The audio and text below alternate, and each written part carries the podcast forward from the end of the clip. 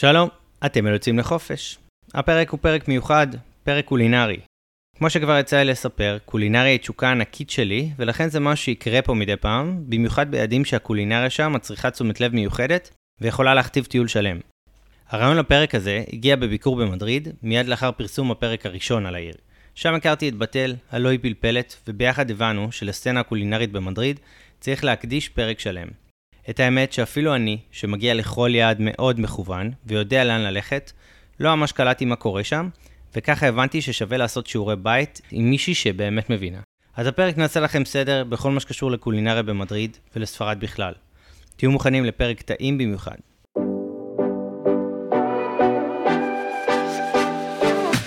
היי כולם, אני ארז קנלו ואני פה כי אני חי מריגושים וחוויות.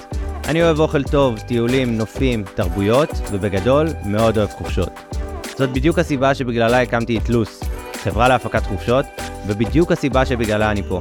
לחקור ביחד איתכם מקומות מרתקים, ולהבין איך הכי נכון לתכנן את הטיול הבא, בכל יעד שנבחר.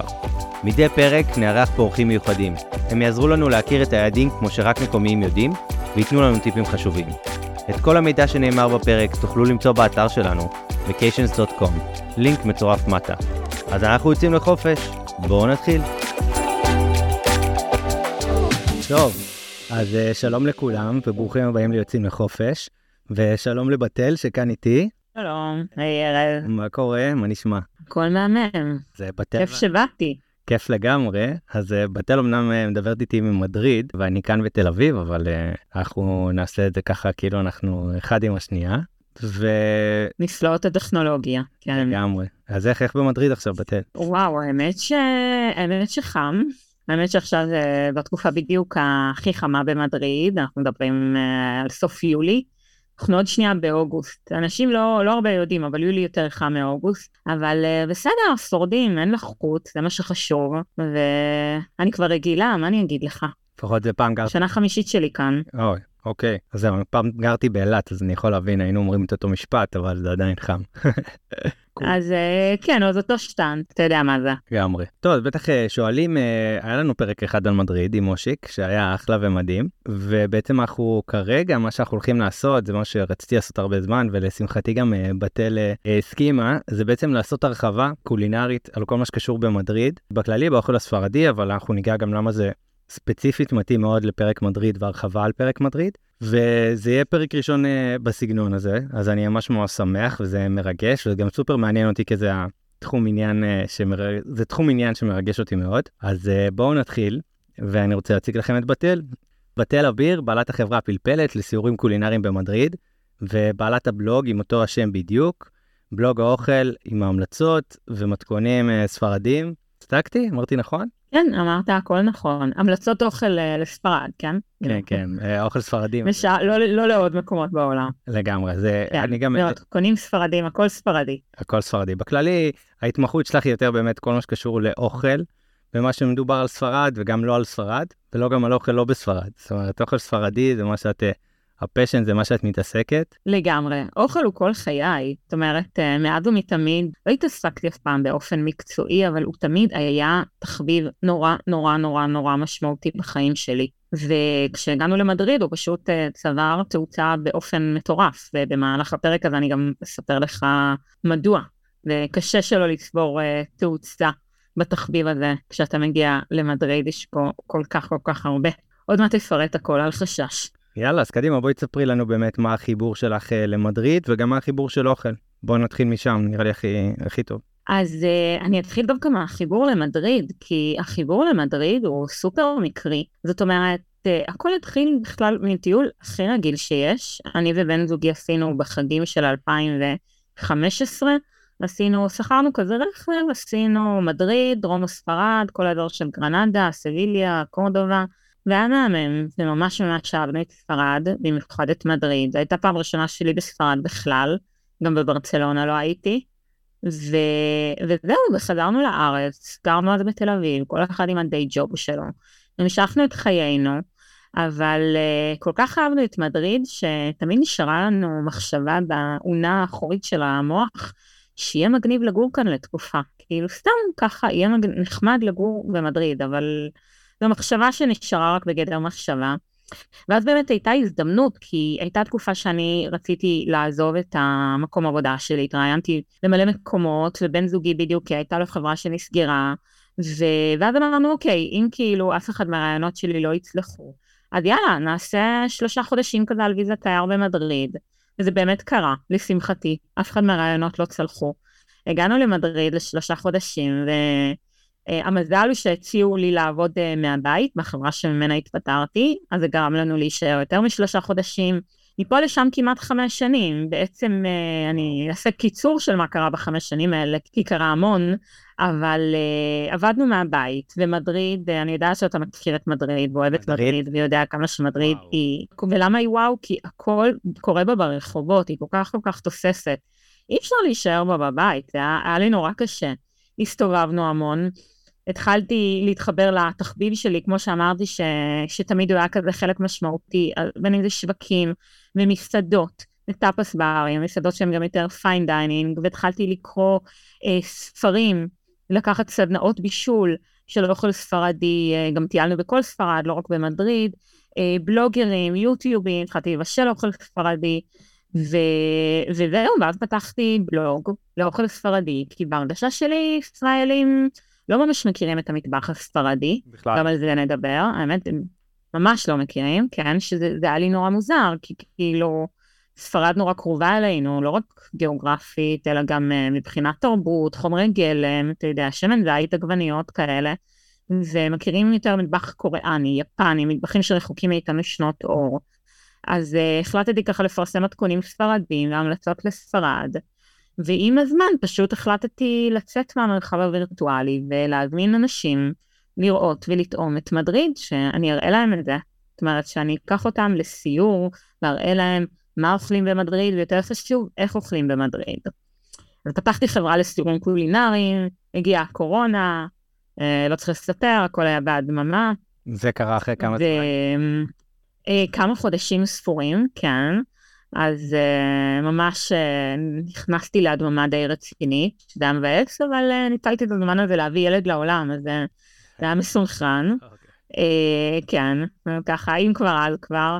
וזהו, אז, אה, אבל אתה יודע, בשנה האחרונה הכל חזר, אמנם בגלים יותר אה, נמוכים ממה שהיה לפני הקורונה מן הסתם, כי תמיד יש משהו, אבל אה, זהו, זה מה שאני עושה היום, ואני נהנית מכל רגע.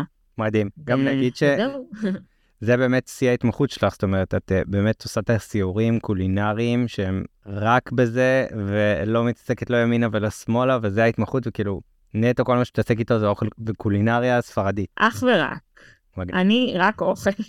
כאילו, ואני אגיד גם יותר מזה, כרגע עוד אנחנו, אני עדיין בקונספט של, אה, של הסיורים שאני מציעה, הם סיורים אה, יותר אה, בסיסיים של הכרת המטבח הספרדי וכולי, אבל ככל שעובר הזמן, אז אני פותחת עוד ועוד סיורים, שהם גם אוכל, אבל יותר נישתיים. מה יהיה? יהיה לפרוז, כמוני? משהו כזה. יהיה לה הכל, זה אפשר בהזמנה אישית, אבל אתה יודע, לחובבי דגים ופירות ים אז משהו יותר אה, יהודי, או כל מיני כאלה, והחלום גם מחוץ למדריד, זה, זה יקרה בקרוב האמת, זה לא כזה חלום, שיהיו גם סיורים מחוץ למדריד. כן, אבל הכל, הכל, הכל סביב האוכל, אין לי דבר אחר בראש, כן? מגניב. יואו, אני מתחבר לזה ממש, אני מת על אוכל בכללי. כן. ואני גם עוקב אחרייך, זה מדהים, ואוכל ספרדי, אני כל כך סקרן. בגלל זה גם אני סקרן כל כך לגבי הפרק הזה, כי אני, כמה שאני מבין באוכל, ואני חושב שאני מייצג פה ישראלים אפילו פודים, אה, ואת צודקת, כמה שהם מבינים באוכל, לא מבינים כאילו את המטבח הזה. נכון, וזה, וזה היה לי מוזר. נגיד, מה אתה חושב שהאוכל הספרדי הוא? Um, הרבה יוצא לי, זעפרן, תמיד יוצא לי לחשוב על זה, ואני לא יודע למה, כשזה כאילו, זה, זה כאילו מאפיין. אני חושב הרבה על באמת פאי, האורז או דברים כאלה. טאפסים, סבבה, אבל גם, מה זה טאפסים? מה זה אומר? כאילו, זה, זה צורה, זה לא... אין באמת משהו, או תמנון. זה גם מה שאני תמיד חושב עליו. את האמת עוד מצב. על, על um, אוכל ספרדי, אז, אבל אז, זהו. אז מצבך הוא באמת יותר טוב מ... מהישראלי הממוצע, אמרת פה דברים כמו תמנון וזעפרן, וזה נכון, זה כולם uh, מאפיינים באמת ספרדים. קודם כל, עלית, עלית כאן על כמה דברים. הפאיה שכל כך מזוהה עם uh, ספרד, אה, אז קודם כל, אה, אה, היא לא באמת מאכל לאומי. פאיה היא מאכל ספרדי, זה תבשיל אורז. אה, אגב, במקור זה לא פירות ים, זה דווקא עוף וארנבת, זה תבשיל שדה, הוא דווקא די רחוק מהים. וואלה. והוא מגיע מהאזור של ולנסיה. הוא המטבח של ולנסיה, של, אה, שזה מחוז, ב... כולם מכירים את העיר ולנסיה, אבל זה בעצם מחוז בחופים המזרחיים של ספרד. ו, ובאמת מנת הדגל שם זה לא רק תאי, אלא מלא מנות אור, אז תאי רק אחת מהן.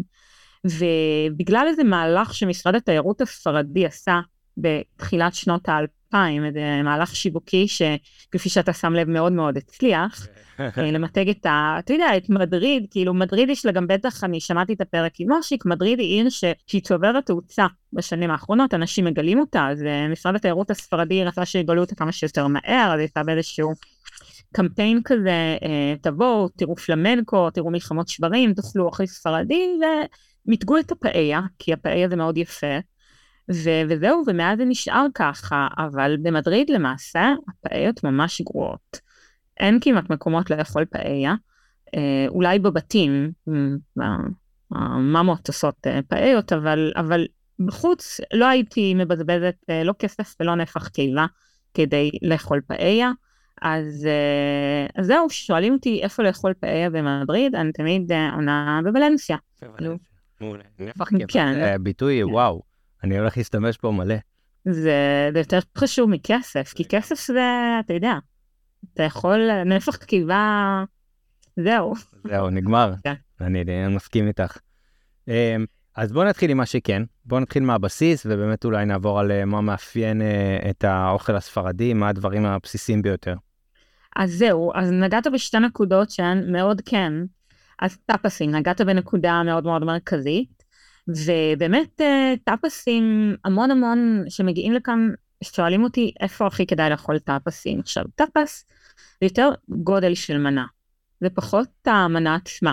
זאת אומרת, הטאפסים יכולים להיות מאוד ספרדים ומסורתיים, אבל גם זה יכולה להיות פיצה או המבורגר או כל דבר אחר, זה יותר סגנון אכילה של הספרדים. אתה ראית במדריד מלא אנשים מסתובבים ברחובות, ובאמת אה, התרבות אכילה שלהם היא, יותר אה, אה, להסתובב ממקום למקום, בכל מקום לשתות, לאכול ולעבור למקום הבא. נגיד הצרפתים והאיטלקים, מה זה? טפאד? זהו, עיר הטפאר, היא אומרת ללכת לעשות טאפסים, okay. אוקיי. שזה בעצם כמו שאמרתי, לעבור ממקום למקום בערב ממוצע, שלושה ארבעה מקומות שונים, אתה יודע, נגיד הצרפתים והאיטלקים להשוואה, אז הם אה, שעתיים וחצי, שלוש, באותה מסעדה. כן, הם אוהבים להשתקע, הם לא זזים. לא זזים, מה זה לא זזים? גם לא חולקים, יכולים להזמין זוג, אה, משפחה, את אותה מנה עיקרית, אותו קינוח לכל אחד, זה כאילו הכי הפוך מאיתנו וגם מאוד הפוך מהספרדים, הספרדים בקטע הזה יותר דומים לנו, ובאמת, איש אגדות סביב איך התחילו הטאפסים, אומרים שהמלך... אה, אה, היה נוהג לאחד המלכים, היה נוהג לכסות את הכוס יין או הכוס בירה עם איזה גבינה או נקניק, ואז זה הפך להיות הרגל, ויש כל מיני אגדות אורבניות סביב העניין הזה, אבל למעשה זה, זה איזושהי צורת אכילה ים תיכונית. בארץ אנחנו מכירים את זה ב...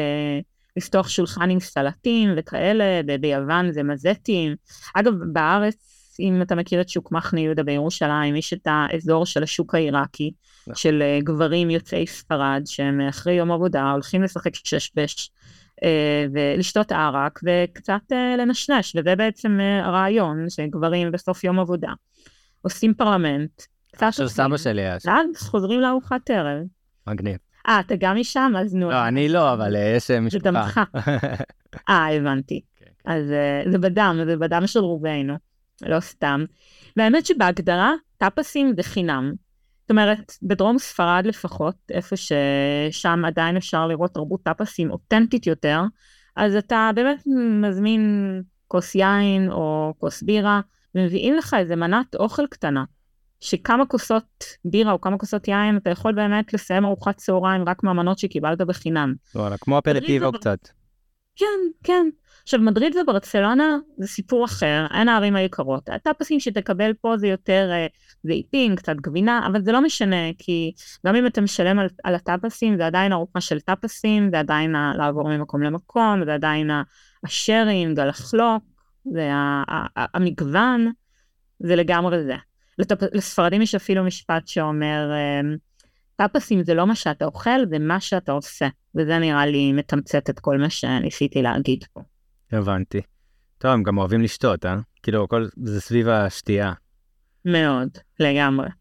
מגניב. כן. אם אני, אני במדריד, זה סיפור אהבה. הכל נכון, הכל נכון. אמ, וגם חומרי הגלם הם גם, אה, כאילו זה מה שמאפיין בעיקר נראה לי את המטבח הספרדי, לא?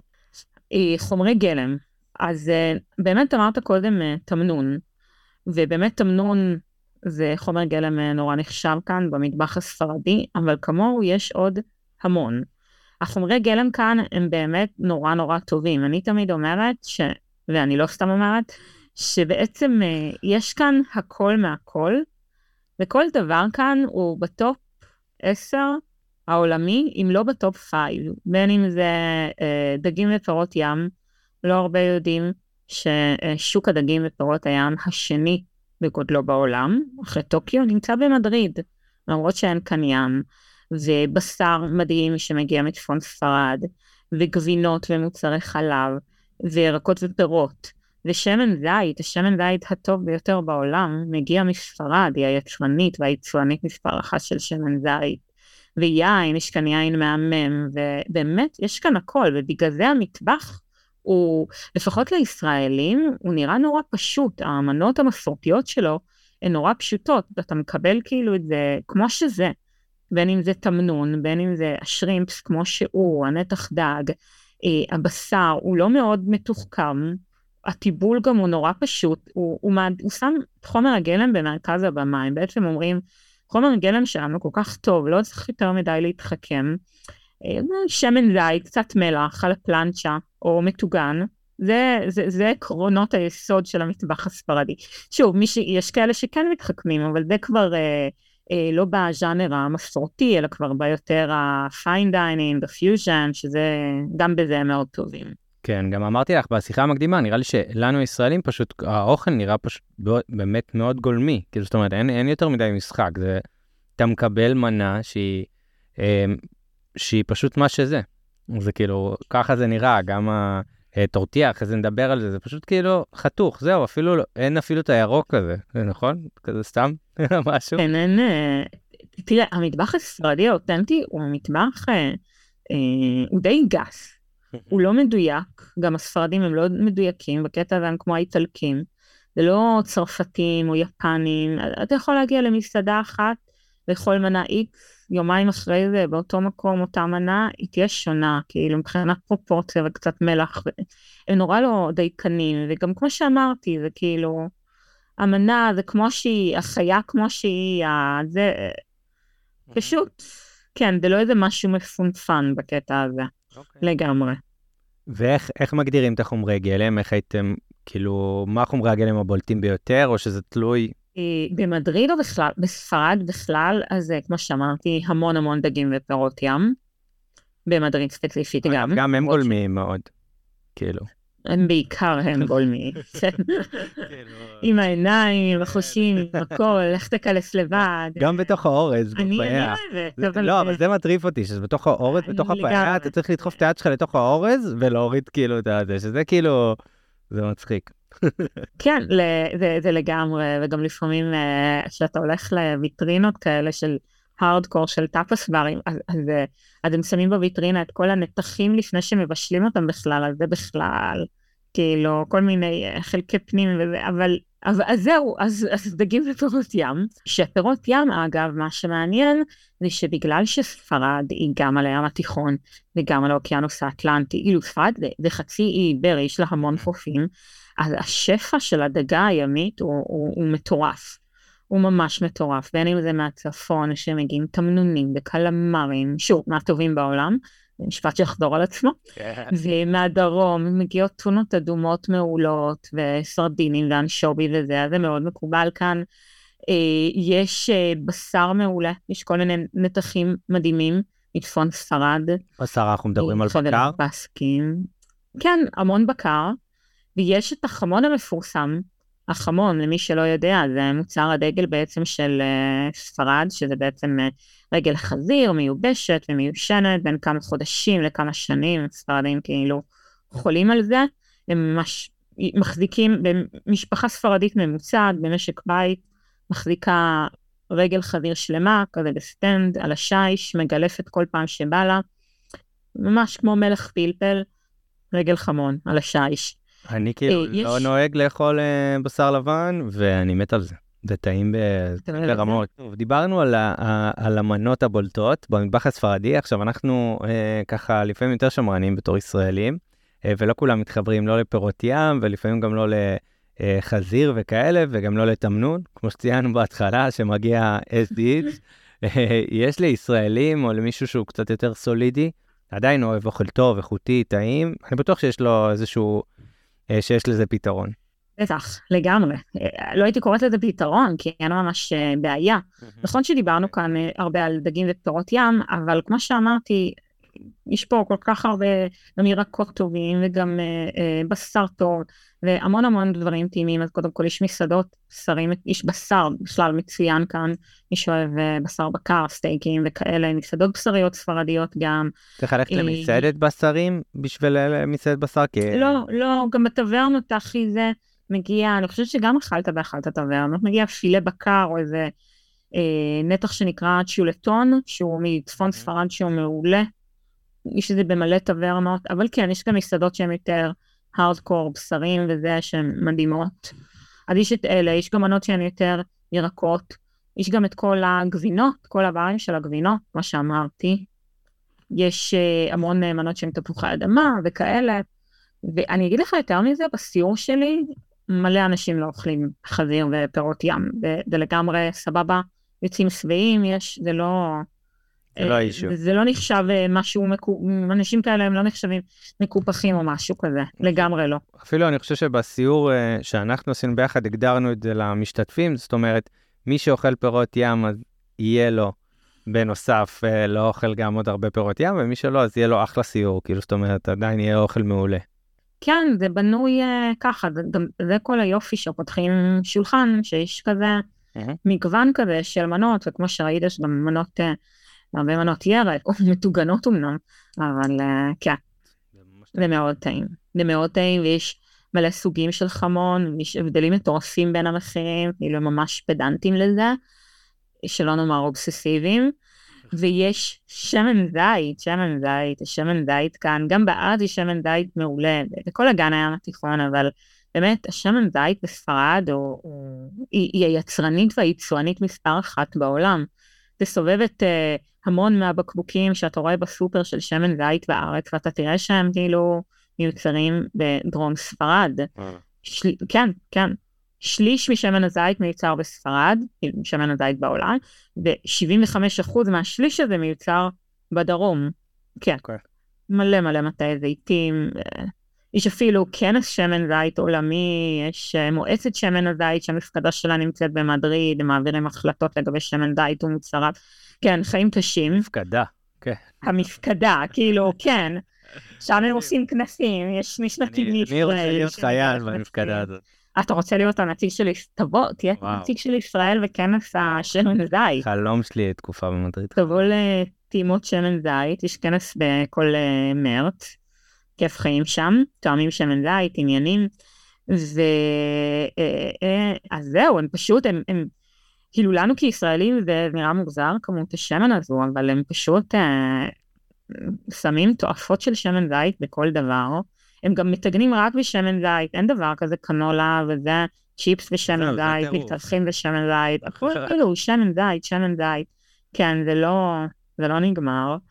אה, מה עוד יש? יש גבינות מדהימות, גבינות, מה שנחמד בספרד, שבגלל שהיא כל כך גדולה ומגוונת מבחינת האקלים שלה, ויש בה גם גבינות כבשים מעולות, גם גבינות בקר שמגיעות מהצפון, גבינות עזים שמגיעות מהערים, זה באמת גבינות נורא נורא מגוונות וטעימות. יש את היין הספרדי. גבינות בקר, צאן? בקר, כבשים, עזים, הכל. נגיד במרכז, באזור של מדריד, אז בעיקר גבינות כבשים, כי זה אזור מדברי כזה. גבינת המנצ'גו המפורסמת, שהיא נחשבת גבינת הדגל של ספרד. בצפון בעיקר גבינות בקר, בדרום בעיקר גבינות עזים. אחת הקניות הכי טובות שלי זה היו גבינות. כאילו, פשוט לעלה לסופר שהוא יחסית די רגיל, ופשוט קניתי מלא גבינות. כאילו, חזרתי לארץ, כאילו, כן. כאילו קניתי. לסופר. אני יצואני- יבואנית. אל תספר על המכס בארץ, אני... כל ביקור בארץ אני מזוודה זה של טירוף, גבינות המחירים. גם- כן, המחירים אבל הם באמת הזיה, אתה קונה ב-60 שקלים, אתה קונה חצי קילו גבינה, שפה כאילו זה יעלה לך 160, שזה משמעות. נכון. נכון, יש הבדל, כן, אין ספק.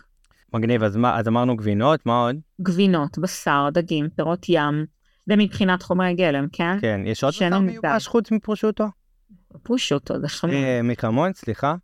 ונפלת ל- לנקודה הבאה שלי, ראיתי זה, יאללה, נו, אז בוא ננצל אותה. שאני ש- פשוט, לא, כן, מה שדיברנו פרושוטו קודם לא על טעים זה כמו חמון.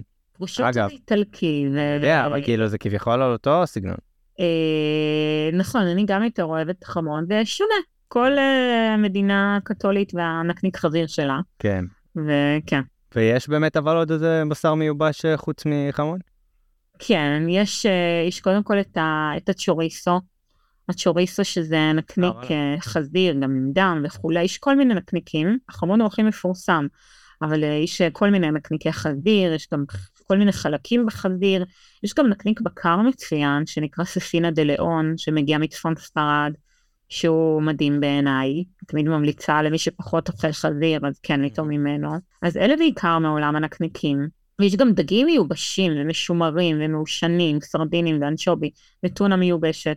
זה גם ז'אנר שהולך כאן נורא נורא חזק, כל מעולה. האנשובי בחומץ, סרדינים מעושנים, כן, הם, ו, ומה שמדהים הוא שיש כאן ז'אנר נורא חזק של שימורים. עכשיו, שימורים שאני אומרת לך זה לא לוף, אוקיי. זה, זה, זה, זה ז'אנר אחר לגמרי, זאת אומרת, זה, זה זהו, אני מרים גבה קצת שאומרים לי שימורים, יש לי לא להרים גבה. עניין עם זה. פעם גרתי עם אה, שותפים שכל הזמן היו מביאים אה, לבבות דקל משומרות, משומרים. לא, לא, לא, לא, זה לא מנת. קרב.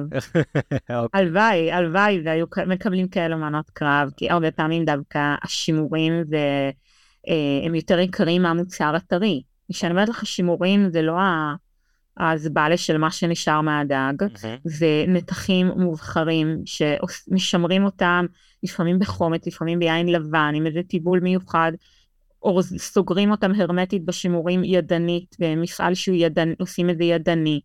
וזה לפעמים מוצר אחר לגמרי מהמוצר הטרי. זאת אומרת, נגיד יש מולים שמשמרים אותם, זה נקרא אסקבצ'ה, ויין לבן, וקצת חומץ, ופפריקה, וזה יותר יקר ממולים טריים. וואלה. אוקיי. כן, זה כמו פתה כזה של מולים. אז לרוב זה-. דגים ופירות ים? השימורים, הרוב זה דגים ופירות ים, כן. אוקיי. יש אה, משהו מבחינת הירקות או משהו כזה שהוא ככה מאוד מאוד בולט? כן, אנחנו מדברים על חומרי גלם או על חומרי מנות? גלם. ספציפית? חומרי גלם. כן. אז אה, כן, קודם כל העגבניות הספרדיות. עגבניות שמש מהממות, עגבניות קיץ, מגיעות במיוחד מדרום ספרד, אה, אז עושים איתם המון דברים. קודם כל בדרום ספרד נורא מקובל, אם כבר דיברנו על מנות שהן נורא פשוטות, אז לאכול סלט עגבניות.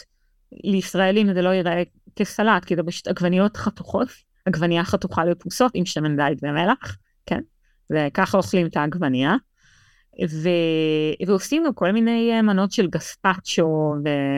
ודברים דומים כאלה מהעגבניות. אז זה מבחינת העגבנייה. יש גם פלפלים, ספרד מעצמה של פלפלים, יש כל מיני סוגי פלפלים. הפדרון, הפלפלים הירוקים, הם הכי מוכרים כרגע. גם גם מתחילים לעשות אותם בארץ קצת, התחילו בכרמלה וכל מיני, יש מסעדות שעושות אותן, נכון? כן, כן. אני- הפלפלים. יש לי שאלה על זה.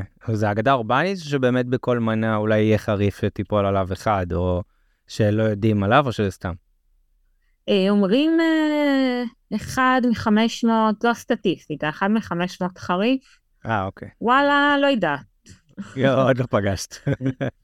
פגשתי, אבל בוא נגיד שהוא לא היה בדיוק חריף. לישראלים הוא לא היה חריף. ספרדים לא אוכלים חריף. עם כמה שיש להם כאן מגוון של פלפלים, הם ממש לא אוכלים חריף. אז uh, לא צריך להיבהל, גם אם uh, ייפלו על חריף. כן, זה כמו רולטה כזה. טוב, הם לא מקסיקנים, הם עדיין ספרדים.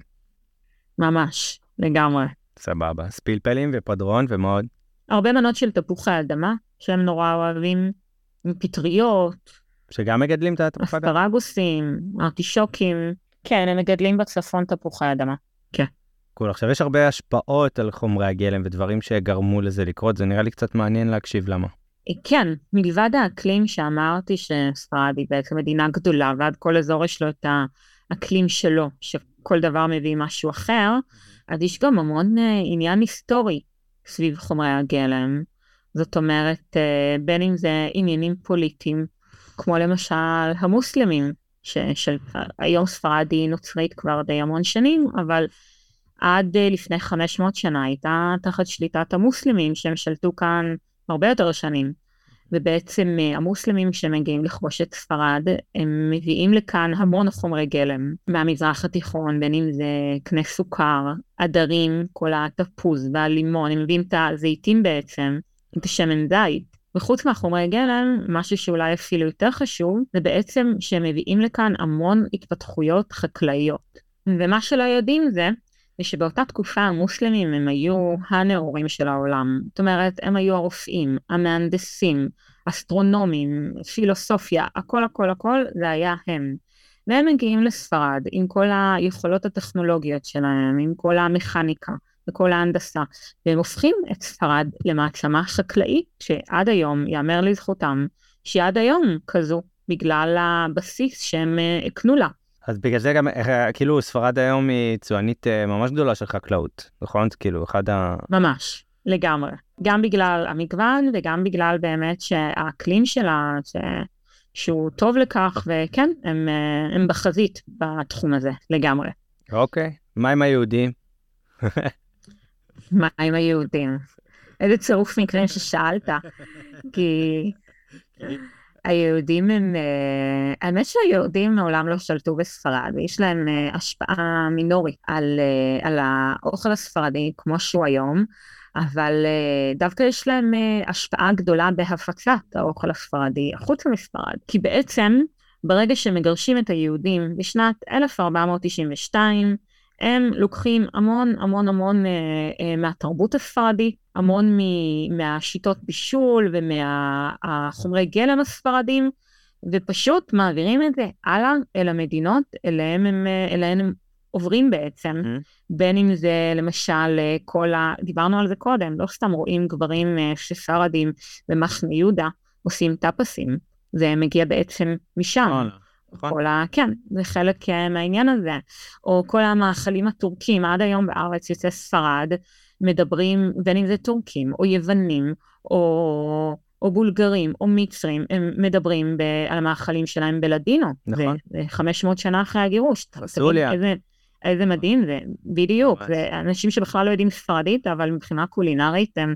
ספרדית שפת אם, כי למרות שעברו 500 שנה, זה עדיין כל כך uh, חזק. אבל עם כל הכבוד ליהודים, המאורע שהכי משפיע על העולם כולו מבחינה קולינרית, זה בעצם גילוי אמריקה. אוקיי. Okay. שזה גם קרה באותה שנה, 1492, קולומבוס, שהוא איטלקי בעצם, אבל הוא עובד אה, בשירות מלך למלכת ספרד, הוא מגלה איזה כפר, איזה מקום אי נידח לימים אמריקה, ומה שמעניין זה שהוא מוצא שם אה, חומרי גלם חדשים שהיום אנחנו לא יכולים לראות את החיים שלנו בלעדיהם, אבל עד לפני 500 שנה הם בכלל לא היו. עגבניות, מעולם לא היו באיטליה ובספרד ו... ובכלל מחוץ לאמריקה. תפוחי אדמה שכל כך מזוהים היום עם צפון אירופה ומזרח אירופה הם במקור מאמריקה, מהעולם החדש. לא ידעתי. פלפלים, צ'ילי, הכל, לא היה בתאילנד, לא היה בהודו, לא היה בשום מקום. באמריקה, כנ"ל חצילים, מעולם לא היה ב, ב, ב, באזור שלנו לפני שגילו את אמריקה. ושוקולד, קקאו, כל הקקאו בעצם מגיע משם, וניל, תירס, אבוקדו, כל הדברים האלה לא היו בעולם הישן. ובעצם הספרדים, מביאים את, ה, את כל החומרי גלם האלה והם מביאים אותם קודם לספרד. ספרד זה באיזשהו ציר מגשר בתקופה הזו בין העולם החדש לעולם הישן והרבה נתיבי סחר. אז הכל קודם כל מגיע לספרד, בגלל זה המון מהמנות הספרדיות הן מבוססות על זה. הצ'ורוס והשוקולד, כן, עם הסוכר שהביאו המוסלמים מהמזרח התיכון. אה, הפטטס בראבה, סטבוכי האדמה, ביחד עם הרוטב פלפלים והעגבניות, הגספצ'ו, Uh, באמת, הכל קודם כל מתפוצץ בספרד, ומשם הוא עובר אל שאר העולם הישן, לשוויץ, מגיע הקקאו, הם מערבבים את זה עם חלב, מוסיפים סוכר, ואני יודע שוקולד שאנחנו מכירים, לאיטליה מגיעות העגבניות, בהתחלה הן בכלל משמשות לנוי, אבל הכל מתחיל מספרד, יאמר לזכותם, כן. וואו, לא ידעתי את כל זה. טירוף. כן. אז כאילו כן. הייתה כמו מע- מערבל, הייתה כמו מערבל אה, חומרי הגלם של העולם בהתחלה, מהמזרח התיכון ומאמריקה וכזה מישמש לכולם. לגמרי, זה קודם כל אה, הגיע בעצם אה, לכאן, כן, לגמרי. וואו, טוב, אז ואיך, איפה מדריד, אה, איפה מדריד בתמונה? בכל מפת האוכל הספרדי? אז זהו, האמת שעם כמה שבמדריד יש אוכל מדהים, אם אנחנו מסתכלים על חלוקה לפי מחוזות, כי יש לנו הרי אמרנו מטבחים אזוריים, כל אזור והמטבח שלו, יש ולנסיה, יש חבל הבסקים, יש אנדלוסיה, אז אה, באמת אה, יש מטבחים מפוארים בספרד שהם ידועים רק בנישה שלהם, כמו נגיד המטבח הבסקי או המטבח האנדלוסי או הגליסיאני. ודווקא... יש לך איזה מנה להגיד על כל, אה, שנייה, על כל איזה מטבח? כן, המטבח האנדלוסי זה המטבח שנורא קרוב אלינו, כי הוא דרום ספרדי, זה באמת כל השמן זית והשקדים והגספצ'ו שאמרתי קודם, והעגבניות בכלל, הדגים והפירות ים, אה, כל מיני, אם יש איזשהו מטבח שכן יכול להציע ירקות, לתת fight, אה, או, או לנסות לתת fight לישראלים מבחינת סלט, אז, זה- אז זה באמת המטבח הזה, כי השאר ממש לא. אה, אז זה מבחינת המטבח האנדלוסי, ויש את אה, המטבח הבסקי שהוא בין הנחשבים בעולם, המון המון מסעדות מישלן, המון המון אה, התפתחויות וטכניקות אה, מולקולר, מולקולרי וכל מיני אה, כאלה. יש, כן, ויש אה, המון אה, מנות על טהרת, אה, למשל דג קוד, כל מיני נתחי בשר מיוחדים, כל מיני גם מנות עם דגים ועם פירות ים ועם כל מיני תבשילים כאלה בסקים. עוגת גבינה הבסקית המפורסמת מאוד, אבל הם בעיקר ידועים בזה שהם נורא נורא מדויקים, בקטע הזה הם יותר דומים לצרפתים וליפנים, קשה נורא ליפול שם, אתה, כל מקום שאתה נכנס בחבל הבסקים, יהיה לך טעים. אבל המטבח של מחוז מדריד, זה נקרא, הקומונידד, הוא סיפור אחר. אם מסתכלים לפי מחוזות, בעיניי זה המטבח אה, הכי חלש. כי הוא מטבח מאוד יבשתי, אה, המון איברים פנימיים, אבל, אה, אבל בסדר, זה לא משנה, כי מדריד היא הבירה. אז יש כאן אוכל מכל המחוזות, יש כאן מסעדות מכל המנעד, זאת אומרת, החל מהטברנות הכי פשוטות ועד ל fine dining ומישלן וכולי. החל, אתה יודע, מסעדות שהן בכלל לא ספרדיות, היא יש- קוסמופוליטית. ואם אתה הולך, שנייה לגבי, אם אתה הולך נגיד לבסקים, יכול להיות שתהיה גם אוכל אחר, או שזה עדיין כאילו מאוד אירופאי, או אפילו איטלקי וכזה, שאתה בחבל ארץ הזה, לרוב אתה תאכל את האוכל שלהם, ורק מדריד פשוט כי מכילה את הכל הזה נוח. אה, מדריד וברצלונה, מן הסתם, הערים הגדולות הן תמיד יהיו יותר אה, אה, בקטע הזה, הבנתי. יציעו תמיד אה, יותר אה, מגוון, כן. אוקיי. אז מדריד, אז אפשר למצוא בה את הכל, ו- והכל מהכל וטוב, אני מאמין. כן. באיזה סגנון של אה, איזה מסעדות, מה, מה. כאילו איך אתה, איך אתה צורך את האוכל? וואו, אז אה, מה שיפה, זה שדיברנו קודם בהקשר של למשל אה, צרפת ואיטליה, שהן יותר אה, שמרניות למטבח שלהן, אז הספרדים מעבר לטברנות אה, שבהן אתה יכול למצוא את המנות הפשוטות והמסורתיות והגסות שדיברנו עליהן, והטעימות, כן? כן. אז אפשר גם למצוא המון fine dining, המון מסעדות פיוז'ן, המון ביסטרו, הם לא מפחדים קצת במרכאות להתעלל במטבח המסורתי שלהם, בקטע הזה הם כזה יותר אה, פתוחים מהצרפתים או מהאיטלקים, אה, וכמובן המון אה, משלן יש כאן, לא רק במדריד, בכלל בספרד, ואני תמיד אה, מציעה לחוות הכל מהכל. איכשהו ישראלים האמת יותר קל, קל להם להגיע דווקא ל... בגלל החשש שדיברנו עליו קודם, אז יותר קל להגיע למסעדות היותר מפונפנות. אבל אני באמת בעד לכבות הכל מהכל. אוקיי. ואיך אה, איך בעצם, אז בואו נגיד יום. יום, סדר יום אצל ספרדים מבחינת אוכל. לפני שאני מדבר על אני, עלינו כתיירים שם. וואו, אה, סדר יום זה טוב. סדר יום של אה, ספרדי הוא, הוא מאוד שונה, כן. זה מאוד משעשע. קודם כל, אה, ארוחת בוקר זה, זה לא איזה משהו כמו אצל הבריטים. דרמה. זה, זה, כן, זה לא, זה משהו קצת ככה לתדלק את היום, לא עושים איזה סיפור. אני מזכיר גם למי ששמע או מי שלא שמע את הפרק על מדריד, או כשאנחנו מדברים על בוקר מדברים על אה, תשע וחצי, כן? זה תשע וחצי עשר, נכון? זה, זה הבוקר, לא יותר מוקדם. כן, לא, אין, אין, פה, יותר, אין פה תנועה לפני תשע בבוקר. כן. אתה רוצה לפתוח, להיות עם ה... לפתוח את הדלתות של, ה, של הבית קפה, אתה מוזמן להגיע לבית קפה תשע, תשע וחצי, כן, משהו כזה. אז זהו, זה הכל מתחיל פה לאט בקטע הזה, מנשנשים משהו לבוקר, קפה, ארוחת צהריים יחסית מאוחרת, לא ב-12-1, יותר לכיוון 2-3-4, ארוחת ערב סופר מאוחרת, 9-10, כן, גם ילדים, גם אנשים מבוגרים, גם באמצע שבוע, פריים טיים, חדשות ערוץ 2, שעה 9 בערב, ככה. כן. טוב, זה בגלל שעות השמש אבל, כזה יותר מו- מותאם. נכון. יש אור עד 10, וגם בחורף הזה הזריחה היא מאוד מאוחרת. היא באיזה שמונה וחצי, אז חיים ככה איזשהו שעון ביולוגי. וכן, ואם מסיימים יום עבודה, למשל, 6-7, מהמם. ורעבים, אז uh, לא אוכלים ארוחת ערב כמ- כמונו נגיד, כמו הישראלים, מה שעושים, עושים טאפסים, אה, אוכלים ארוחת ערב ב-10, ככה זה עובד. כן. הבנתי, ואיך הארוחות עצמם הן כבדות, אה, גדולות, או שכזה...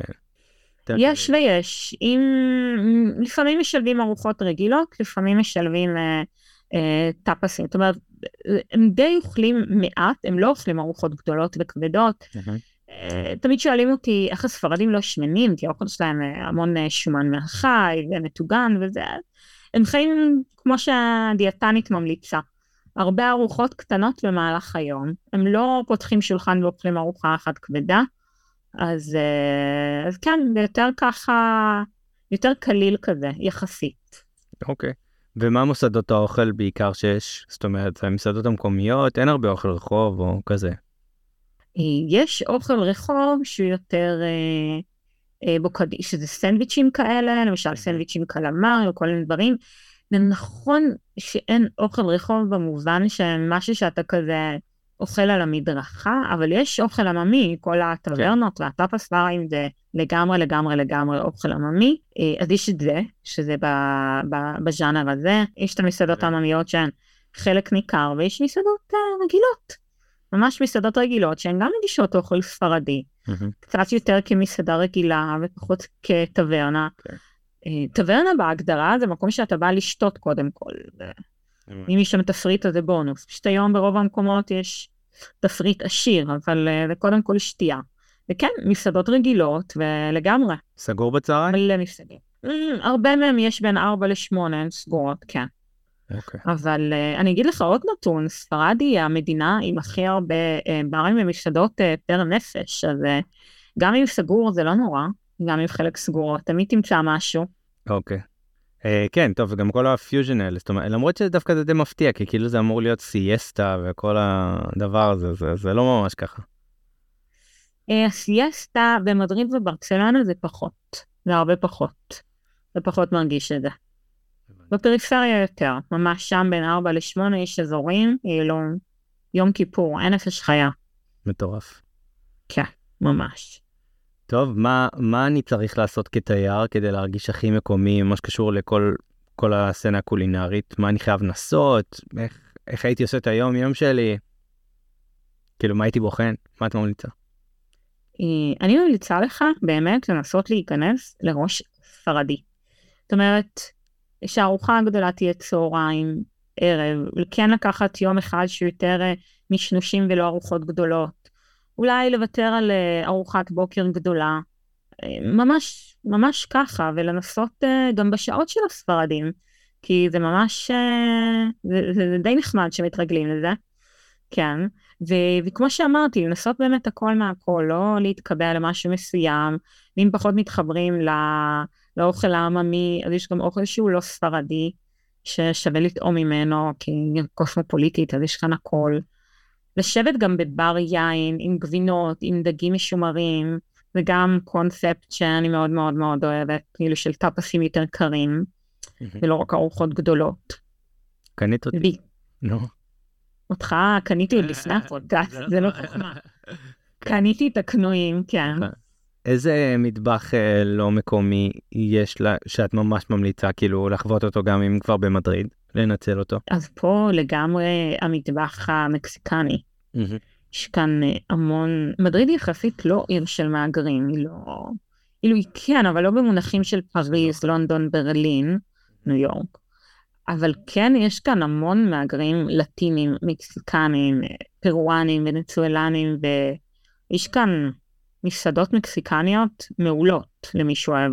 שוב, גם כאן יש מנעד די רחב, החל מתקריות מאוד אה, קטנות, אה, עממיות, ועד למקסיקניות שהן משלן, שהן מצוינות. אז אה, הייתי ממש... גם מקסיקני פעם אחת. לגמרי, לגמרי. גם מקסיקני זה מעולה, אני אוהבת. אני גם אוהב מאוד, אבל... זהו, כי אני לא חושב שגם בארץ מגיעים למטבח מקסיקני כזה גבוה, אפילו לא בתל אביב, זה כאילו תמיד בסדר. לדעתי. זהו, אני אגיד לך, זה מה שיפה, כי, כי בגלל שחומרי גלם כאן הם באמת טובים, ובכל תחום שהוא, אז אפשר לעשות כאן כל כך הרבה מטבחים. אז גם יש פה יפניות מעולות, כי הדגים פה מעולים, רק שיבוא איזה יפני להרים את זה, אבל, כן. אבל, אבל אפשר, זאת אומרת, אין בעיה של חומרי גלם, יש כן. כאן... יש מצב טוב. לגמרי, יש גם, האמת שכתבתי על זה בבלוג שלי, אה, עשיתי איזשהו פוסט על שווקים, ואחד השווקים יש שוק שהוא רק של כזה לטינים, אז יש שם מלא מלא פרודוקטים של לטינים, כזה חלפיניו טרי, וכל מיני סוגי תירס צבעוניים, ו... וכל מיני רוטבים מקסיקנים, כאילו דברים נורא נורא נורא נורא מיוחדים ומקסיקנים, אז אה, זה ממש חזק פה. טוב, אז אני חושב שגם מלבד מי שרוצה לבוא לאכול מסעדות, קחו Airbnb ותבשלו, כאילו, זה שתי ארוחות. נראה לי גם חוויה משוגעת. נכון, אבל תלוי לכמה ימים באים, לא הייתי ממליצה כן. למי שמגיע פחות מחמישה ימים. כן, זה אם אתה שבוע שבוע ומעלה כזה, אבל uh, מי שיבשל זה נראה לי יכול להיות כאילו חוויה מגניבה, להיכנס לאיזה סופר או להיכנס לאחד השווקים ולשחק עם זה. לגמרי, השווקים כאן הם באמת, הם פשוט חוויה, חוויה על חושית, באמת, אני, בים, בשבועות הראשונים שרק אה, הגענו למדריד, הגענו לגור כאן, אז אני לא עשיתי כלום חוץ מלהיסגר בבית ולבשל. וואו. הייתי בבוקר הולכת לשוק, קונה מלא דברים, מבשלת כל היום. זה, זה, זה לא, כאילו, לא הצלחתי לעשות כלום, זה היה כל כך... כי מה, כי כן. מה, מה יש בשווקים שהוא ככה?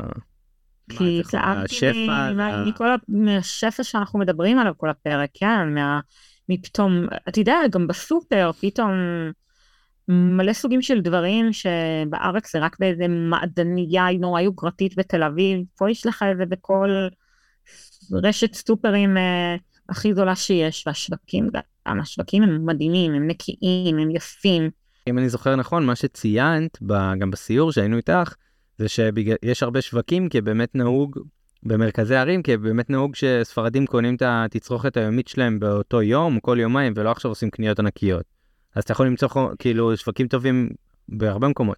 לגמרי. בכל, אנשים תמיד הולכים לשוק סן מיגל, שזה שוק הטאפסים, המקורה, כן. הוא, הוא מאוד יפה, יש בו דברים טעימים, אבל שוק הוא לא.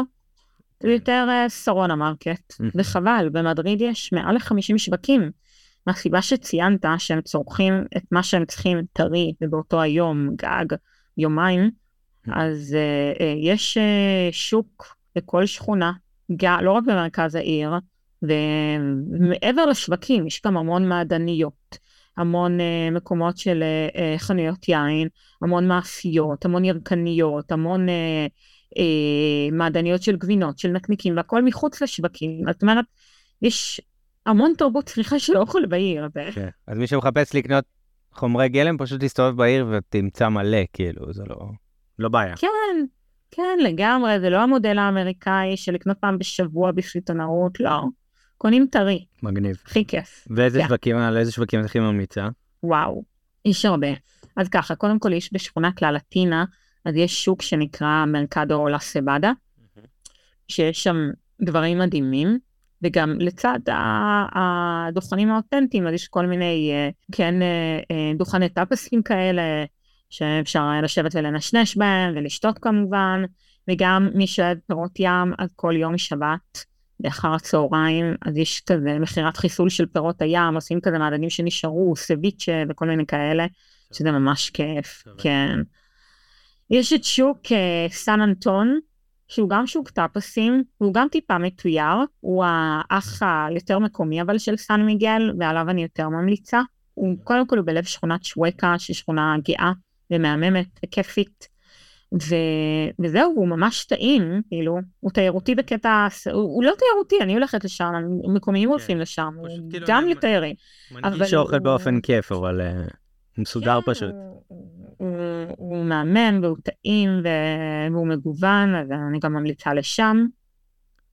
יש את מרקדו, מרקדו דה לה פס, שנמצא בשכונת סלמנקה היוקרתית, שהוא כזה קצת יותר, אה, יותר פיין, אבל גם שם אפשר למצוא המון מסעדות מעולות, יש גם טברנות וזה, וגם, וגם מקום מהמם להסתובב שם. עכשיו, בכל שוק אפשר לקנות כזה איזה דרינק או כוס יין או...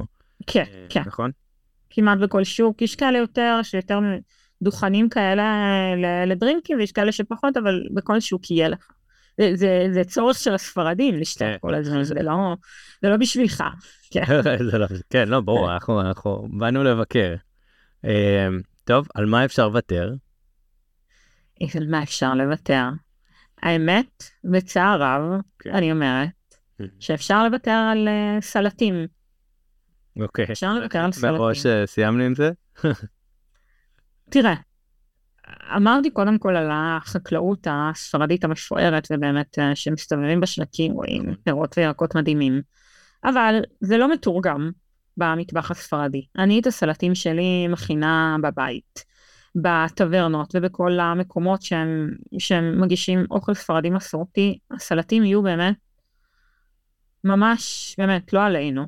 כאילו, בקטע הזה אני עדיין לא פיצחתי את זה, איך הם יצאו כאלה. עם, עם כזו סחורה, לא, לא ברור, כאילו, הם מגישים סלט כזה של, באמת, של סופ. בית מלון באייטיז, כן, פתאום איזה, איזה, יש חסות מדהימות, ומגישים לך איזה לקט עם איזה כמה גפרורי גזר, ובאמת, ובלסמי, משהו כזה, קטע. לא ברור. כאילו, אין- כן, אין כן. ירק באוכל, אין כאילו... אלא אם כן הוא מטוגן. כן. אפילו הפלפל מטוגן. כאילו שוב, בדרום, בד... הדרום הוא יחסית מאוד פרשי לשאר ספרד. יש את ה... כן, פתאום עגבנייה טריה עם שמן דייט ומלח, והגספצ'ו שזה ירקות וזה, אבל לא, זה לא... זה... הם גם אוהבים כאן סלט רוסי, שזה סלט כזה תפוחי אדמה במיונז. סלט. זה- הם קוראים לזה סלט, כן, שתבין כן, את לא, ה... אני יודע, גם- גם אצלנו קוראים סלט תפוחי אדמה, אבל אבל- כאילו, זה שום מרכיב סלטי, כאילו, זה נטו פחמימה. נכון, נכון. אה. זה באמת, אה, לא, לא יודעת, בקטע הזה הם לגמרי, אה, זה משהו לא ברור. אז אה, תראה, ישראלים נורא נורא אוהבים אה, את הסלט שלהם, את העגבנייה והמלפפון והזה. אני אומרת, תראו, יש לכם מלא דברים בספרד שאין בארץ, אל תתעמקו במה שיש בארץ ואין בספרד. תעשו לכם כמה ימים בלי סלט, זה, זה לא נורא. מקסימום לפני או אחרי ארוחה תאכל איזה מלפפון ככה, אם אתה צריך... אה, יכולים לקנות פשוט ירקות ופירות בשוק או בסופר ולעשות פיקניק בפארק. מגניב. לא, כן. היה לי סיפור מצחיק שבאמת רציתי, קניתי ארוחה לכמה אנשים ורציתי להוסיף סלט, ולא היה נורמלי. אז הלכתי לדוכן שכאילו מוכר אוכל ישראלי, והיה לו שם סלט ישראלי? ואז הבחורה פשוט חתכה שם את הסלט במקום באופן איטי, ברמה ששני סלטים לקחו 45 דקות, אז אה, וזה היה כן. כזה, כן, אז אתה מבין את עומק הבעיה? כן, אין מיומנות, אין מיומנות, אה, מה שקשור לסלט. זה היה מאוד מצחיק. אין, אין בכלל, זה לא, זה בקטע הזה הם קצת כאילו, לא, זה, זה, זה ממש לא ברור. ברוב התפריטים אתה רואה אה, אנסלדה מיקסטה, שזה בתרגום אה, מספרדית, זה אה, סלט מיקס, כאילו, מהמם. שזה כבר, אה, כבר נקודת פתיחה גרועה, מי קורא ככה לסלט? זה לא, לא מספק. ו- וכמו שאמרתי, זה כזה, כמו סלטים כאלה שאתה קונה ב-Yellow, עם כל כן, מיני כן. דברים. מיקס לא. וזהו, אה, זה מה שזה, לגמרי לוותר. יש עוד משהו? אמ, עוד משהו, לוותר, שוב, אלא אם כן אתם במסעדות כאלה נורא נורא מפונפנות, אז בתכלס לוותר על קינוח, אם כבר עסקינן בנפח קיבה. לא טובים? יש טובים, אבל זה לא הקטע פה. נכון, אני אפילו יש- זוכר פעם אחת שציינת בבלוג, סליחה אם עצרתי אותך, שכאילו אפילו איזו עוגה שאמרת, אפילו העוגה הזאת זו עוגה כאילו הכי טובה, והיא בסדר. כאילו היא לא... אה, כן, תראה, אני כנה, אני, כן- אני כנה מכל הכיוונים, אני. יש דברים שהם מעולים פה, והקינוחים, זאת אומרת, בא לך קינוח, אתה יכול למצוא כאן קינוח טוב, כן? אבל זה לא ההתמחות כאן, כשאתה עובר ליד ויטרינות ספרדיות, מסורתיות, זה מנהרת זמן לאייטי, זה נכון. באמת, זה, זה, זה עוגות בשכבות עם כל מיני מרנגים וצבעים ויבשות כאלה וטורטים, ובאמת, זה, זה לא... שוב, אגב, קצת מזכירים לי את האיטלקים אפילו, למרות שכאילו, זה גם זה, גם הקינוחים האיטלקיים לא כאלה טימים. נכון, אבל האיטלקים אולי טיפה קצת יותר, אני לא יודעת. כן. נגיד, אגב, בברצלונה המצב יותר טוב, הרבה יותר טוב מבחינת מתוקים. וואלה. אה, יש יותר קונדיטוריות וכאלה? כן, יותר קונדיטוריות וזה, אני חושבת שזה גם יותר צפון, יותר אה, בגבול עם צרפת, אז יש קצת יותר השפעות, קטלנים יותר אה, זה. המדרידאים אין להם, הם גסי, כאילו, כמו שאמרתי, הגסות, אה, כשהיא מתרגמת לקינוחים, זה זה לא... משהו שם. לא מסת- לא- לא. מסתדר. כן, כן, אתה כן. רוצה קרם, קרם טוב, הוא לא יכול להיות שבור. מי שלא מדויק. לגמרי. אוקיי. אבל שוב, אתה בא, בן אדם פה אוהב קינוחים, יכול למצוא כאן קינוחים מדהימים, אבל זה לא, אבל זה במסעדות ש... המסוימות וזה, זה לא הקטע פה. מגניב. ואם אנחנו, אוקיי, אז קינוחים לא טובים, אבל איזה מנות ככה דגל אה, שאנחנו חייבים לנסות, והן ככה מנות שמובילות את המטבח הזה? במדריד. טוב, אז מבחינת מנות ספרדיות, אני ממש ממליצה על מנה שנקראת טורטיה דה פטטס. טורטיה בספרדית זה, זה אומלט, זה בעצם אה, אומלט של תפוחי אדמה, ביצים ובצל מטוגן, וזה נורא פשוט וגם קל להכין בבית. והקטע הוא שמבחוץ זה נראה מעין כמו פריטטה, כמו מעקות כזה, ומבפנים זה אמור להיות נוזלי ונשפך כזה, זה נשמע כזה קריפי, אבל זה ממש ממש טעים. מטבלים את זה? חוץ ממלח מלח. פלפל? מלח? זהו. גם לא טילפל. זה כאילו תערובת ביצים, תערובת ביצים, תערובת תפוחי אדמה. שהם הם מעודים לפניהם, מבשלים אותם לפניהם. מטוגנים, הכל מטוגן. בצל מטוגן, תפוחי אדמה מטוגנים, מערבבים עם ביצים. ואז מתגנים את זה ממש טיפה, וכשחותכים את זה זה כזה סבבה. וזה ממש טעים, הם עושים את זה לא, לארוחת לא, תהיתי יש- איך הם, אה, כאילו איך זה- קורה. אוקיי. יש- יש מתכון. אה, יש אה, אה, מקום שנקרא קאסה דני, שהוא עושה את הטורטיה דה פטטס הכי טובה בעיר, המון כבר מכירים את המקום, אז ממליצה בחום. ממליצה גם לחובבי השרימפ, יש מנה מדהימה שאני חושבת שאכלת אותה גם, פה במדריד, שהיא אגב מנה מאוד מדרידאית, לחובבי השרימפסים, נקראת גמבס על החיו, שזה כלי חרס עם שמן זית לוהט, עם שום, שרימפס, קצת צ'ילי, פטרוזיליה, מלח, טעים. וזהו, והשרימפסים בעצם מתבשלים בתוך הכלי הזה, גם לזה יש מתכון, וזה סופר טעים, והכי כיף לטבול את הלחם בשמן עם כל השום, וכן, זה ממש טעים. וכמובן לטעום חמון, לאכול אה, פלפלוני פדרון, פדרון אה, מטוגנים. אני ממש ממליצה, כמו שאמרתי קודם, ללכת לבר לצד היין, לאכול לצד זה גבינות מקומיות, מנצ'גו, גבינות עזים או גבינות בקר, ואת הדגים, האנשובי, הסרדינים, המעושנים, הכבושים, בחומת, גם האלה בשימורים, הכל מעולה, או לאכול אה, פירות ים כאלה. ומבחינת לשתות, אני ממש ממש ממליצה לשתות משקה שנקרא טינטו דה וראנו, כי מקומיים לא שותים סנגריה, הם שותים אה, משקה שנקרא, שאם אני מתרגמת את זה מספרדית, זה היין האדום של הקיץ, שזה בעצם יין אדום עם קצת סודה, עם אה, ורמוט, שזה גם משקה ספרדי, סטייל מרטיני, מהמם. ועם קצת פירות, וזה סופר טעים. סנגריה זה משהו. אחר לגמרי, כן. מה זה סנגריה עם אבל? או שזה. כאילו... זה... סנגריה זה במקור, זה יין אדום, שהוא עם uh, קצת מיקס תפוזים, ועם תבלינים שהם, uh, היא תמיד כן. מוגשת קרה, אגב אין דבר כזה סנגריה חמה, והיא תמיד uh, uh, עם uh, תבלינים חמים, חורפיים כאלה של קינמון, ציפורן uh, וכאלה. ואותה, את הסנגריה, לא עבדו עליכם, היא באמת משקה ספרדי, אבל uh, ספרדים שותים את זה לעיתים סופר רחוקות. את ה tinto de verano הם שותים. ברמת הכמה פעמים ביום, בקיץ, כמה פעמים בשעה אפילו. איך אני עושה tinto? כן, זה ממש טעים וקל להכין בבית, ואפשר להכין בבית בארץ, איך כן. אפשר, איך אפשר באמת? ומערבבים, אני יכולה, וגם פרסמתי את זה, פשוט מערבבים יין עם ורמוט. הוורמוט קצת. שונה, זהו, הוורמוט קצת שונה, הוא כזה, הוא לא נגיד מרטיני רוסו, הוא כאילו מרטיני רוסו, אבל קצת יותר light, יותר מתובל. נכון, נכון, הוא בייצור שלו עם תבלינים וגם... אה, יש אגדה שאומרת שאוהבים לשתות אותו בתחילת ארוחה, כי התבלינים פותחים את הטעמים, אבל uh, זה קצת עומד בסתירה, שהספרדים שותים אותו גם בסוף ארוחה, באמצע, זה לא באמת משנה, אבל הוא מוסיף כזה טעם עמוק ליין, וזה זה ממש כיף. זה עושה את הטינטו ממשקה של ילדים למשהו קצת יותר... אה, אוקיי, שתינו טינטו ורנו, יש עוד איזה מנות שחייב uh, להכיר?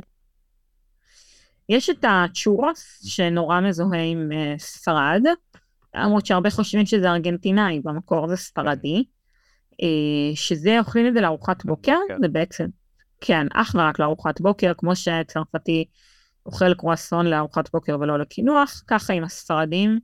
אל תשאל אותי איך הם לא משמינים, ואת זה לא הצלחתי לפענח. טירוף. ממש. מה זה לא משמינים? אבל... הם נראים ממש טוב. סליחה. כן, אולי זה, אתה יודע, יש עוד גורמים, אולי זה גנטיקה, כן. אולי זה, לך תדע. בכל אופן, אז את הצ'ורוס אוכלים אך ורק בארוחת בוקר, טובלים את זה בצ'וקולטה, שוקולד חם, ואז זה גם נחמד לנסות. אני חייבת להגיד את האמת, אני לא מהחסידים הגדולים של זה. זה נחמד, אני אוכלת את זה מדי פעם, אבל מעדיפה את, ה... את, ה... את הרעב שלי ולהשקיע במשהו אחר, וברוך השם יש על מה. נפח הקיבה. לגמרי. מגניב. טוב, מה, אולי אה, מתכון אחד? קודם כל, אני, אני אגיד שיש לך אה, בבלוג שלך מלא מתכונים, ספרדים, נכון? נכון. אוקיי, אז כל, כל מי שרוצה להגיע למתכון, אנחנו נפרסם את זה כמובן אה, באתר של הפרק, ויש שם כישורים, גם למתכון שדיבר, שאנחנו נדבר עליו, וגם לכל המתכונים ולהמלצות וכאלה. אז אה, כל מה שדיברנו עליו בפרק יהיה שם, אבל בא לי שנדבר על משהו אחד עכשיו. אז אני, מעבר לטורטיה דה פטטס, בא לי לתת משהו שגם ספר, ישראלים אוהבים וגם קל להכין בארץ, אז באווירת הקיץ אני אלך על הגספצ'ו או הסלמורכו, שזה בעצם גספצ'ו זה מרק ספרדי קר. מדרום ספרד, מבוסס על עגבניות, שמן זית, חומץ, אה, עוד ירקות, ויש לו גם uh, גרסה סמיכה יותר, שנקראת סלמורכו, שהיא ממש טעימה, ולשניהם יש לי מתכון בבלוג, זה סופר כיף בקיץ, ואין לי מושג איך זה לא תופס יותר בארץ, כי איך לא. נכון, כחם. אבל נגיד איך עושים גספצ'ו טוב? זה פשוט חינה וערבוב של הכל, או צריך גם סננת, צריך לעשות עם העגבניות משהו לפני, צריך לקלף את הקליפה? יש כזה סתם, סתם. איזה דגש? אם הבלנדר מספיק טוב, אז לא צריך לסנן. Mm-hmm. אם, אה, קודם כל לטחון ממש, אני, אני אוהבת את זה חלק, וגם פה זה מוגש בכל המקומות חלק. וכן, אם הבלנדר לא מספיק טוב אז מסננים, אבל זה ממש קל, פשוט מכניסים עגבניות שהן בשלות כאלה, טובות, עגבניות קיץ. מלפפון, פלפל ירוק, לא פלפל אחר ולא חריף. אה. פעם אין פלפל חריף, אין חריף בכלל, מגספצ'ה, זו המצאה ישראלית. לשים אה, אה, מה עוד, מלפפון, שום בצל, לשים גם חומץ, חומץ חירף, שזה חומץ ספרדי, אם אין לכם, כי כן. זה קשה להשיג בארץ, אז חומץ בן יין. לעולם לא לשים לימון, וכמובן מלא שמן זית, טוחנים, טוחנים, טוחנים, קצת מלח, וזהו, אם לא מספיק חלק מסננים, מגישים קרקר, אוכלים או שתים או בכוס, או בקערה, תלוי במרקם, וזהו, זה מהמם לקיץ. אני מחסיש לי בקבוקים במקרר, כאילו. יש איזה עוד, uh, מלבד השווקים שדיברנו עליהם, יש עוד איזה מקומות שאת חושבת שחייב לפקוד, ככה כמה המלצות uh, קונקרטיות, מסעדות? Uh, וואי, זו שאלה שאני, כאילו, אני לא, לא יודעת את המושג הזה. אגב, אני אגיד, זהו, אני לא נוהג בפודקאסט לתת... תלחב, אסור לפספס. זהו, לא נותן המלצות קונקרטיות כמעט ואף פעם. למה? כי זה סובייקטיבי.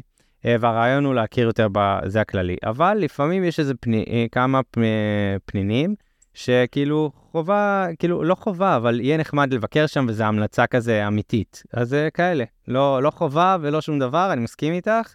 כאלה פנינים שמי שאולי אולי זה יעבור מתחת לרדאר אם אה, אתה לא, לא תשמע המלצה. אז יש אה, טאפס בר אחד בשכונת מאסניה שאני ממש לא אוהבת, mm-hmm. הוא נקרא בודגה לארדוסה, בודגה זה מקום של יין, אבל מגיש אוכל, טאפסים, גם האווירה ממש כיפית, בשכונת מלסניה שהיא שכונה מדהימה ומרכזית. גם יש שם סלמורכו מדהים, שזה מה שהזכרתי קודם, טורטיה דה פטטה, הדגים גם מעולים, כל, ה, כל בעצם מה שאמרתי, אז אה, אפשר כמעט לאכול שם, אז זה בז'אנר האותנטי. עכשיו, אם רוצים משהו שיותר uh, ספרדי, פיוז'ן, ספרדי קצת יותר fine, ולא כזה טאפס בר וזה, mm-hmm. אז אני ממליצה על מסעדה שנקראת uh, פיסמולר, שהיא, השף שלה הוא בסקי, והוא הגיע לכאן, אז הוא עושה גם עוגת גבינה בסקית מדהימה, ויש שם דברים ממש ממש טעימים. ואם רוצים משהו טיפה יותר מגניב, כזה ממסעדה שהיא מומלצת מישלן, שהיא נמצאת בכלל בשוק, זה יותר למי שאוכל אה, די הכל, אז מסעדה שנקראת טריפאה, שהיא מדהימה. אם מתמזל לכם להשיג שם מקום, גם value for money מטורף, ארוחת טעימות שם, כולל יין, אה, אני לא רוצה להגיד כמה זה עולה, באמת. אה. תגידי. להגיד? כן, בטח. להגיד, זה יצא, אה, כולל יין 38 יורו לראש. זה לא, זה כאילו, כן. זה פחות ממה שעולה פה בר, כן? אני... זה, לא, זה גם value for money נהדר פה. זה, זה גם לפה נחשב value for money טוב, אז זה... לא, זה באמת מסעדה מדהימה, כן. ממש. בכללי, עוד דיברנו על זה בשיחה המקדימה, שבאמת לצאת מהרדיוס המצומצם הזה של מרכז העיר ולא לאכול על הגרנד ויה, נכון? למקומות טובים זה, זה הכיוון. גרנד ויה זה אסון, כאילו, לא, זה, זה פשוט uh, כמו להגיע לתל אביב, כן. ולאכול במתחם מזון בעזריאלי, אני מצטערת, איך שלא תסתכל על זה, זה פשוט מלא רשתות. יש שם גם רשתות ספרדיות שמציעות יעני אוכל ספרדי, אבל בסדר. כן, כן. ואתה יודע. זהו, לשמחתנו בתל אביב אין כל כך את הקטע הזה, שם זה מאוד מובהק, אבל כן, לפחות, זה נראה לי אבל גם נראה, כאילו, מי שרוצה לאכול גם רואים, כאילו, שמים את זה ממש יפה כדי שתבין שזה לא מקום שהוא שווה לאכול בו. כן, אה? לגמרי. אז זהו, אז באמת לצאת באופן כללי, אני חושבת שגם בפרק הקודם, משה דיבר על זה, הרדיוס הזה של הכיכר המרכזית והשדרה המרכזית שהיא הגרנביה, זה מקום מאוד מצומצם ותמיד מומלץ לצאת מהאזור הזה גם מבחינה קולינרית, בעיקר מבחינה קולינרית, אבל לא רק, גם מבחינת בילויים וחיי לילה ושופינג וזה, מדריד בקטע הזה היא כמו לונדון וברלין, ויותר האווירה בשכונות. כל שכונה יש בה משהו אחר, ו- ושווה לחוות את זה, לא להיתקע על הרחוב הראשי בפריימרק, צאו מהפריימרק. לגמרי, שהוא הכי גדול בעולם. אה, באירופה אני חושבת. יש פריימרק מחוץ לאירופה? אני לא יודע. לא כן. האמת שאני לא יודע. אבל יש שם, קניתי אחלה נרות, אבל זה בסדר. חוץ מזה אפשר לעוף משם. לי זה עושה התקפי חרדה כל המקומות הגדולים, אבל בסדר. מה? שזה? מקום גדול מדי וצפוף וזה וזה, זה כאילו להיכנס מהר ולצאת כמה שיותר מהר. אז אני פשוט הולך... כן, אה, מהפריימרק? כן, פריימרק, פריימרק, כן. כן. מגניב. טוב, אנחנו ממש לקראת סיום. אני כן ממש אשמח לשמוע ממך, קודם כל איפה אפשר למצוא אותך ואת כל המידע הזה, אה, ה priceless שאת אה, מביאה לעולם. אז בוא נתחיל משם, וגם אם יש עוד איזה עמודי, אה, עמודי אינסטגרם מומלצים, או עוד כל מידע אחר שאת ממליצה עליו, זה גם יהיה נחמד, מלבד הבלוג שלך. אז קודם כל אותי אפשר למצוא בהרבה מקומות. אה, אני גם באינסטגרם בתור פלפלת נקודה מדריד, אני גם בבלוג שלי שגם הוא פלפלת, ואני בבלוג אני, אגב לא רק המלצות, אני גם נורא נורא אוהבת לרשום סתם הגיגים על המטבח הספרדי, בין אם זה, לא יודעת, רשמתי פוסט שלם על איזה גבינת מנצ'גו ועל השמן זית וכולי. אה, וגם יש לי קבוצת פייסבוק, לא רק לי, אלא לעוד אה, הרבה אנשים שביקרו ואוהבים את מדריד וגם כאלה שגרים במדריד, והיא רק קשורה לאוכל, לא על דברים אחרים, וממליצים שם על מסעדות, מקומות, חומרי גלם ופליטנות, שווקים, עניינים, היא נקראת איפה לאכול במדריד.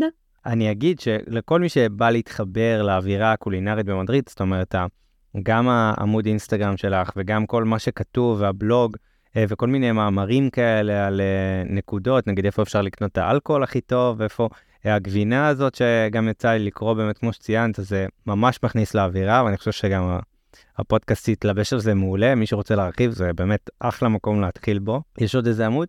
כן, האמת שיש שניים. קודם כל יש עמוד אינסטגרם שהוא יותר אה, כללי על ספרד, שהוא, אה, אה, זה מדור באתר ספרדי שנקרא אל, אל קומידיסטה, mm-hmm. שזה בעצם אה, מדור אוכל כזה של גם של ביקורות מסעדות, גם של מתכונים, יש להם אחלה דברים.